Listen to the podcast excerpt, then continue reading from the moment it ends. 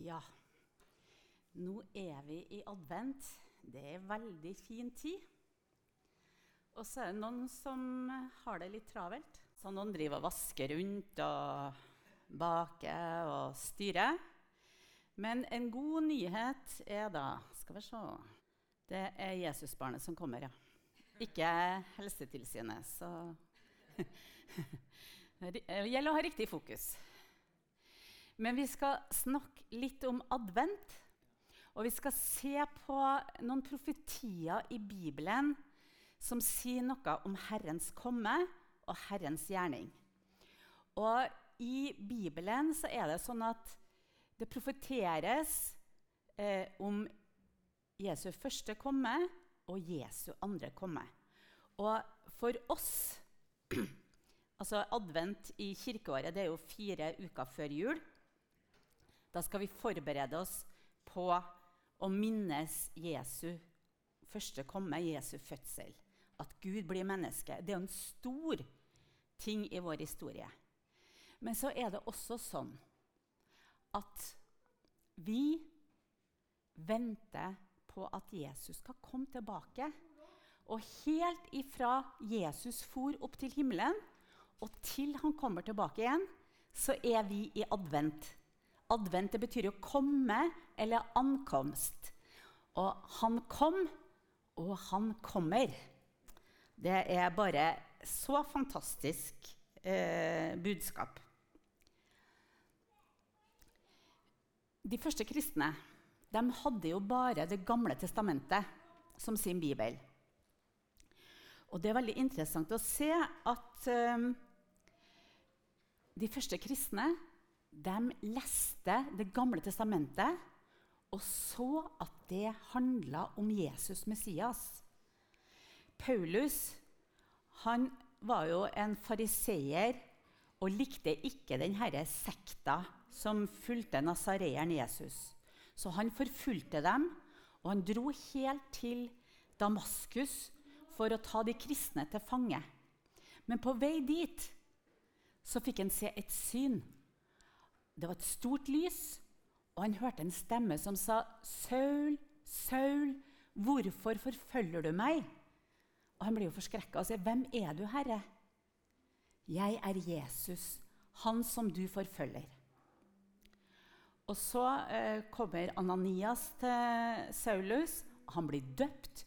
Og straks begynte han å vise ut ifra Skriftene at Jesus er Messias. Så da bladde han opp i Det gamle testamentet eller tok fram bokrullene. og sa, Her står det, her står det, her står det. Og interessant nok, i Matteus evangelium Det er et evangelium som er sannsynlig skrevet for jøder, først og fremst. da. Og der er det 130 sitater fra Det gamle testamentet. Og Matteus skriver hele tida at ja, dette skjedde for at det som profeten har sagt, skulle oppfylles. Så de leste profetene. Og Så skal vi se på et veldig interessant vers i 1. Peters brev 1.10. Denne frelsen var det profetene søkte etter og ville utforske da de profeterte om den nåden dere skulle få. De prøvde å finne ut hvilken tid Kristi ånd som var i dem, pekte fram mot, og hvordan den tiden ville bli. For ånden vitnet om Kristi lidelser og den herlighet som siden skulle komme. Det ble åpenbart for dem at det ikke var seg selv, men dere de tjente med sitt budskap. De profeterte om Kristi lidelser og om herligheten som skulle komme. Og de prøvde å finne ut ja, men når er dette her. Skal han lide? Skal, skal, det komme herlighet? Hvordan er det egentlig? Og Jeg har et bilde her. Det er som når du står Du skal på den borteste fjelltoppen der, så står du her. Og så går du oppover. Det ser ikke så veldig langt unna. Men straks du kommer over den første høya der, så går det ned i en dal før du kommer opp på den andre. Og da ser du ja, det var, ikke, det var ikke så kort som jeg hadde trodd. Det er sikkert mange av dere som har den erfaringa der. Dere går i fjellet. og sånn var det med profetene. Eh, for oss som nå lever etter Jesu første komme, så er det lett å se han kom, han ga sitt liv, han led, han døde. Og så skal han komme igjen på den andre fjelltoppen her i herlighet. Og da skal vi se på noen av profetiene. Vi skal lese mye Guds ord i dag. Eh, et veldig kjent vers det står i Mika 5,1. Du Betlehem, Efrata, minst blant slektene i Juda. Fra deg lar jeg en herske over Israel komme. Hans opphav er fra gammel tid, fra eldgamle dager. Altså han, han, som skulle komme, herskeren, han hadde vært før, sier Mika. Og vi husker fra fortellingen om de vise menn. De så en stjerne, en ny stjerne, eller konstellasjon, i Østerland. Og det tolka de som at det var født en konge, en jødenes konge. Og de dro av sted til Israel for å tilbe den nye kongen. Og Vanligvis så blir jo konger født i hovedstaden, så de strena av gårde til Jerusalem og til palasset til Herodes og spurte hvor er jødenes konge som er født. Vi har, vi har sett stjerna hans i øst og kommer for å tilbe ham. Og Herodes ble kjempestressa, og det står hele Jerusalem med han. Ble veldig urolig. Og, øh, nei, det er ikke født noen konge her, nei. Ingen nye konger nå. Og Herodes var jo en veldig sjalu mann. Så han var ikke noe interessert i en ny konge. Men han tilkalte de skriftlærde og sa, 'Hvor skal Messias bli født?' Jo, det kunne de svare på med en gang. I Betlehem i Juda. For det står skrevet, 'Du Betlehem, Efrata, minst blant slektene i Juda, fra deg lar jeg en hersker over Israel komme.'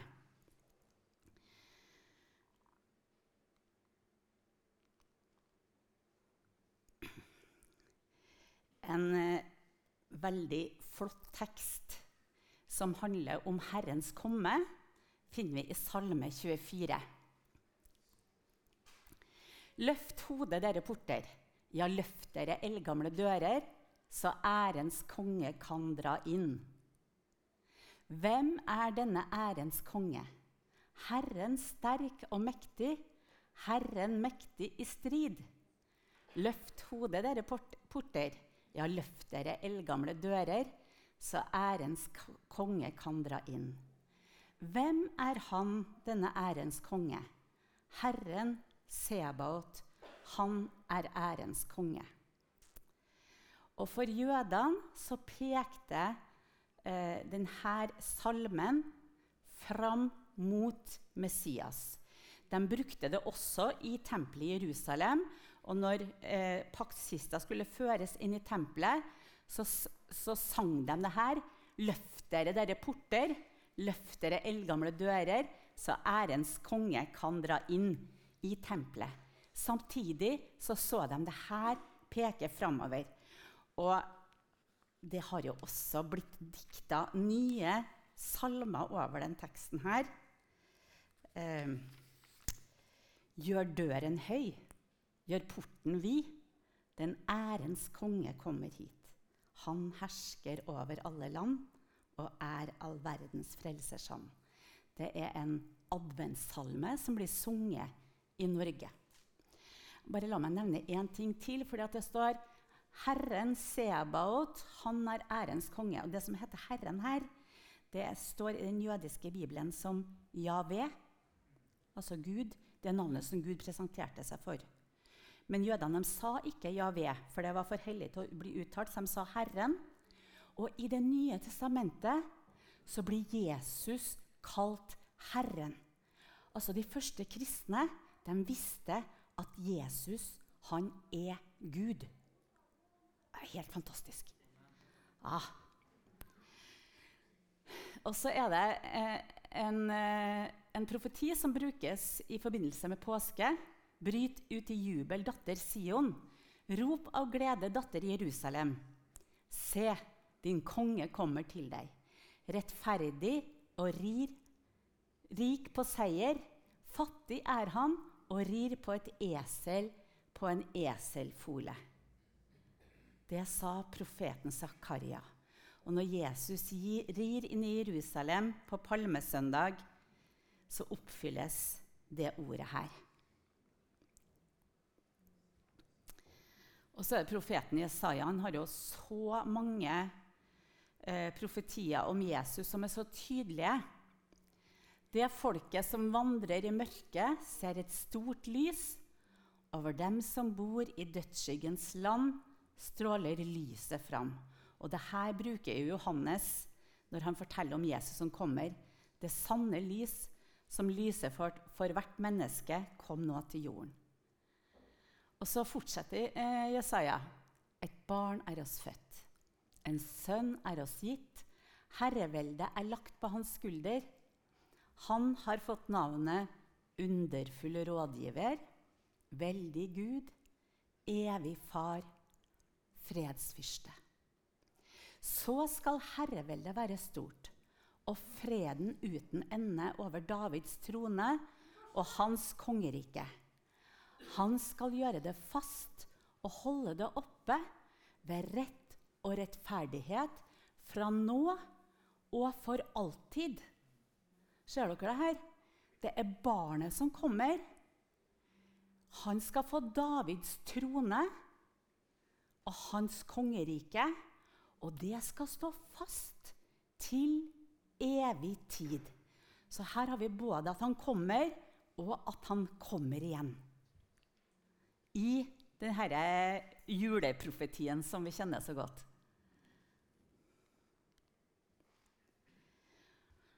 Og så kommer kanskje den mest tydelige profetien om Jesu lidelse fra Jesaja 53. Dette er sagt 700 år før Jesus kom. Faktisk er det sånn at Jødene har litt, eh, litt eh, problem med den profetien her. For hvem er det han snakker om? Og vi kristne er så tydelige på at det her er jo Jesus Messias.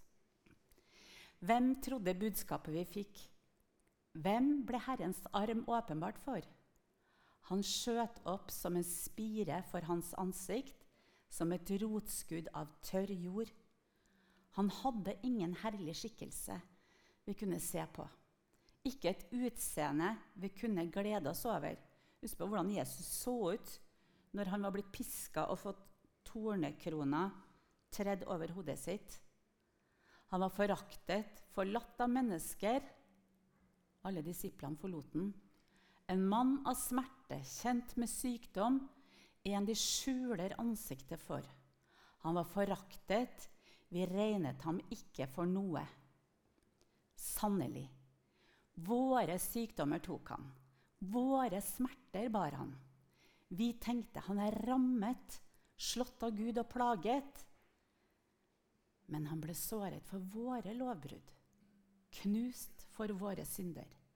Straffen lå på ham, vi fikk fred. Ved hans sår ble vi helbredet. Vi gikk oss alle vill som sauer. Hver tok sin egen vei, men skylden som vi alle hadde, lot Herren ramme ham. Såret for våre lovbrudd, knust for våre synder. Straffen lå på ham, vi fikk fred. Og ved hans sår er vi helbredet.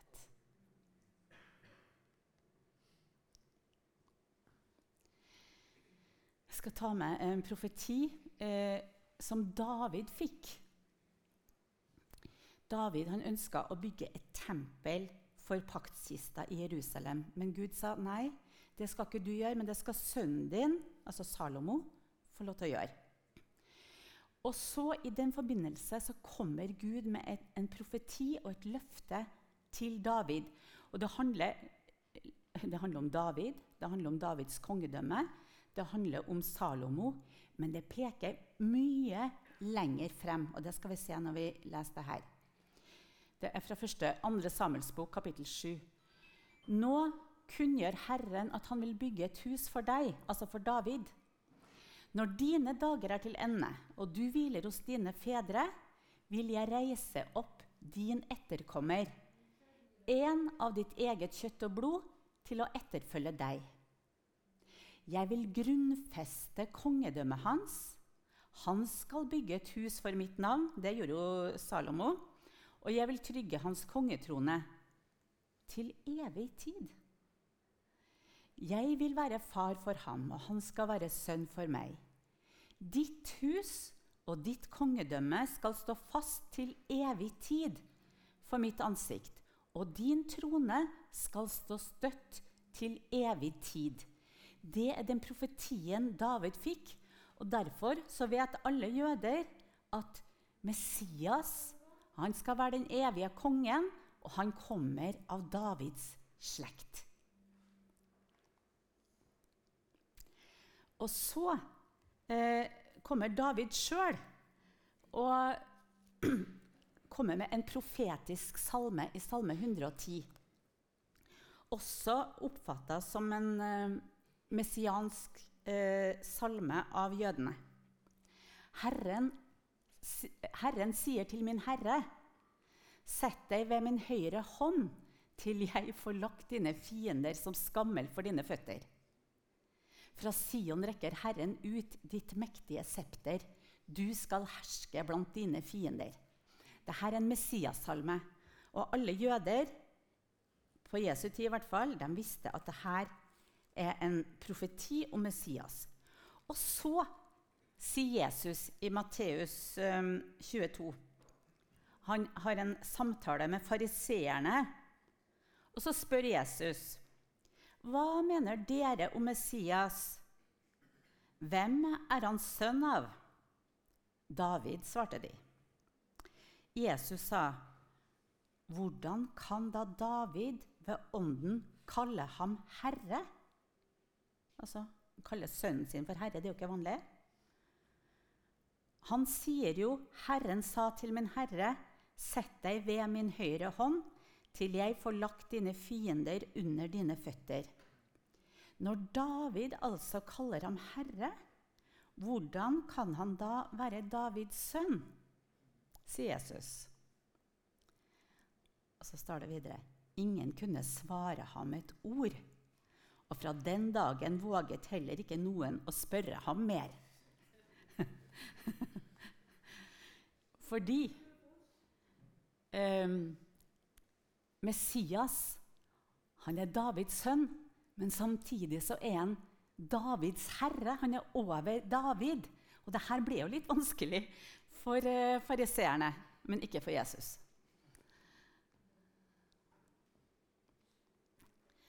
Og så tenkte jeg vi skulle ta med det her også. Det står i Jesaja eh, 65, og også i 66 så er det en lignende profeti. Se, jeg skaper en ny himmel og en ny jord. Ingen skal minnes de første ting. Ingen skal tenke på dem. Gled og fry dere til evig tid over det som jeg skaper. En ny himmel og en ny jord. Det ligger også i profetiene og blir også gjentatt i Det nye testamentet. Og da er det sånn eh, Altså, det kommer en dag når jorda skal fornyes, når alt skal fornyes, og der jorda skal få tilbake sin opprinnelige, rene natur, der alt skal være som i skapelsens morgen, det ligger i vår framtid. Og så sier Paulus noe veldig interessant i Romerne 8. for Han snakker om at hele skaperverket lengter etter den dagen. Jeg mener det vi må lide i den tiden som nå er, ikke kan regnes for noe mot den herligheten som en gang åpenbares og blir vår. For det skapte venter med lengsel på at Guds barn skal åpenbares i herlighet. Okay? Det skapte ble underlagt forgjengeligheten, ikke frivillig, men fordi han ville det slik. Likevel var det håp, For også det skapte skal bli frigjort fra slaveriet under forgjengeligheten og få den frihet som Guds barn skal eie i herligheten. Vi vet at helt til denne dag sukker og stønner alt det skapte samstemt som i fødselsrier. Ja, enda mer. Også vi som har fått Ånden, den første frukt av høsten som kommer, sukker med oss selv og lengter etter å bli Guds barn fullt og helt når kroppen vår blir satt fri. For i håpet er vi frelst. Et håp vi alt ser oppfylt, er ikke noe håp. Hvordan kan noen håpe på det de ser? Men hvis vi håper på noe vi ikke ser, da venter vi med tålmodighet. Paulus sier at vi som er Guds barn, vi lengter etter den dagen da vi skal bli Guds barn fullt og helt. Vi er allerede Guds barn. Men den dagen når Jesus kommer igjen, så skal vi bli frigjort fra alt som binder oss her. Og da er det liksom Da er vi frelst for evig. Og sånn er det med hele skaperverket. Det lengter etter den dagen, for skaperverket det er forgjengelig, men det skal også fornyes og bli frigjort fra forgjengeligheten. Det er, altså, det er bare litt av en framtid her. Men denne lengselen den ligger i oss og i skaperverket. Og så et herlig løfte her. Det er fra Det nye testamentet. da, Fra Paulus, første tesalonikerbrev. For når befalingen lyder, når erkeengelen roper og Guds basun høres, da skal Herren selv stige ned fra himmelen, og de døde i Kristus skal stå opp først. Deretter skal vi, kanskje vi, eller kanskje neste generasjon, det vet vi ikke, deretter skal vi som er igjen og ennå lever, bli rykket bort sammen med dem i skyene for å møte Herren i luften. Og så skal vi være sammen med Herren for alltid. Trøst og sett mot i hverandre med disse ordene. Altså, det fins ikke noe større trøst enn vissheten om at Jesus skal komme igjen og forløse alt.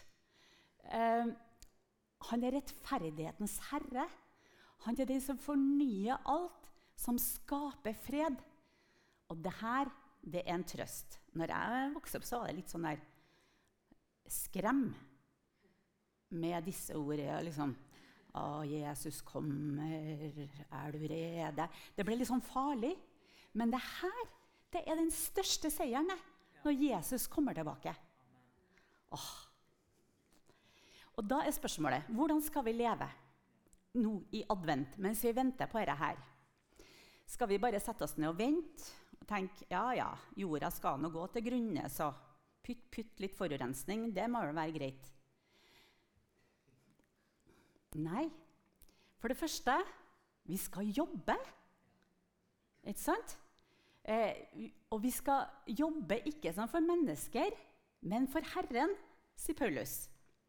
Jeg, veldig, jeg, fikk en veldig fin kommentar her om dag. Jeg var sånn, Vi var på sånn befaring på huset, eh, på det nybygget som holder på å komme opp her. Og så er det en av dem som jobber der, som sier ja, eh, Før så jobba jeg en annen plass, og da jobba jeg med en som er medlem i Pinsekirka her. Det, var, det er en skikkelig kar.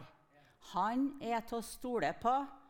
Han eh, er en så flott fyr. Er ikke det litt fint? Ikke sant? Det er vitnesbyrdet om de troende. Ja, det var en kar å stole på, ja. Um, Jorda, den hører Herren til. Så vi skal ta vare på den. Vi er forvaltere. Det tilhører noen andre, men vi er forvaltere. Vi skal ikke slenge skit rundt omkring. Vi skal ikke overforbruke. Vi skal ta vare på det her. Så vet vi det at det trengs en fornyelse. Men vi skal ikke liksom ødelegge det. Nei, vi er med å ta vare på jorda sammen med de ungene som vokser opp. Og så står det om Jesus. Det står at han gikk omkring og gjorde godt. og helbredet alle som var underkuet av djevelen. Altså, vi skal også gå omkring og gjøre godt mens vi venter. Vi skal velsigne folk omkring oss. Vi skal være til velsignelse for folk omkring oss. Og vi skal be. Vi skal gå i forbønn for dem som er rundt oss. Vi skal drive med bro til tro. sant? Bønn, relasjon og ord, altså vitnesbyrd, for å la flere få del i evangeliet. Det er de tingene vi skal drive med. Det står mange andre ting i Bibelen som vi skal holde på med mens vi venter. Men det her, altså, det at Jesus kommer tilbake, det gir en himmel over livet. Det gir en motivasjon for å leve for Han og leve sammen med Han. Og så har vi et kall som er kanskje over alle andre kall. For det står i 1. Korinterne 1,9 at vi er kalt til samfunn med Guds sønn Jesus Kristus. Altså Det største og viktigste kallet vårt det er fellesskapet med Jesus. Og det har vi allerede her. Og så skal det da bli fullkomment når han kommer tilbake. Derfor syns jeg denne, dette sitatet her Wise men still seek him. Kloke mennesker de søker fremdeles Jesus. Eller vise mennesker de søker fremdeles Jesus. Og det er det vi skal gjøre. Ikke bare i de fire søndagene i advent, men i hele den adventsperioden som er fram til Jesus kommer tilbake. Ja, kjære Jesus, jeg takker for at du var den som kom. Som forlot himmelens herlighet, og som levde våre liv, og som bar våre synder med deg opp på korstreet. Som brakte en fullkommen forløsning for vår synd. Som tilveiebrakte fellesskap med Gud. Jesus, vi priser deg. Og så takker jeg for det salige håpet som vi har, at du skal komme tilbake. At du skal sette alt i stand. At du skal la freden flyte over denne jorda og over hele skaperverket. Du skal fornye alt. Og Herre, vi gleder oss til den dagen. Vi har lyst til å si med Johannes.: Kom, Herre Jesus. Kom snart. Vi ser fram. Amen.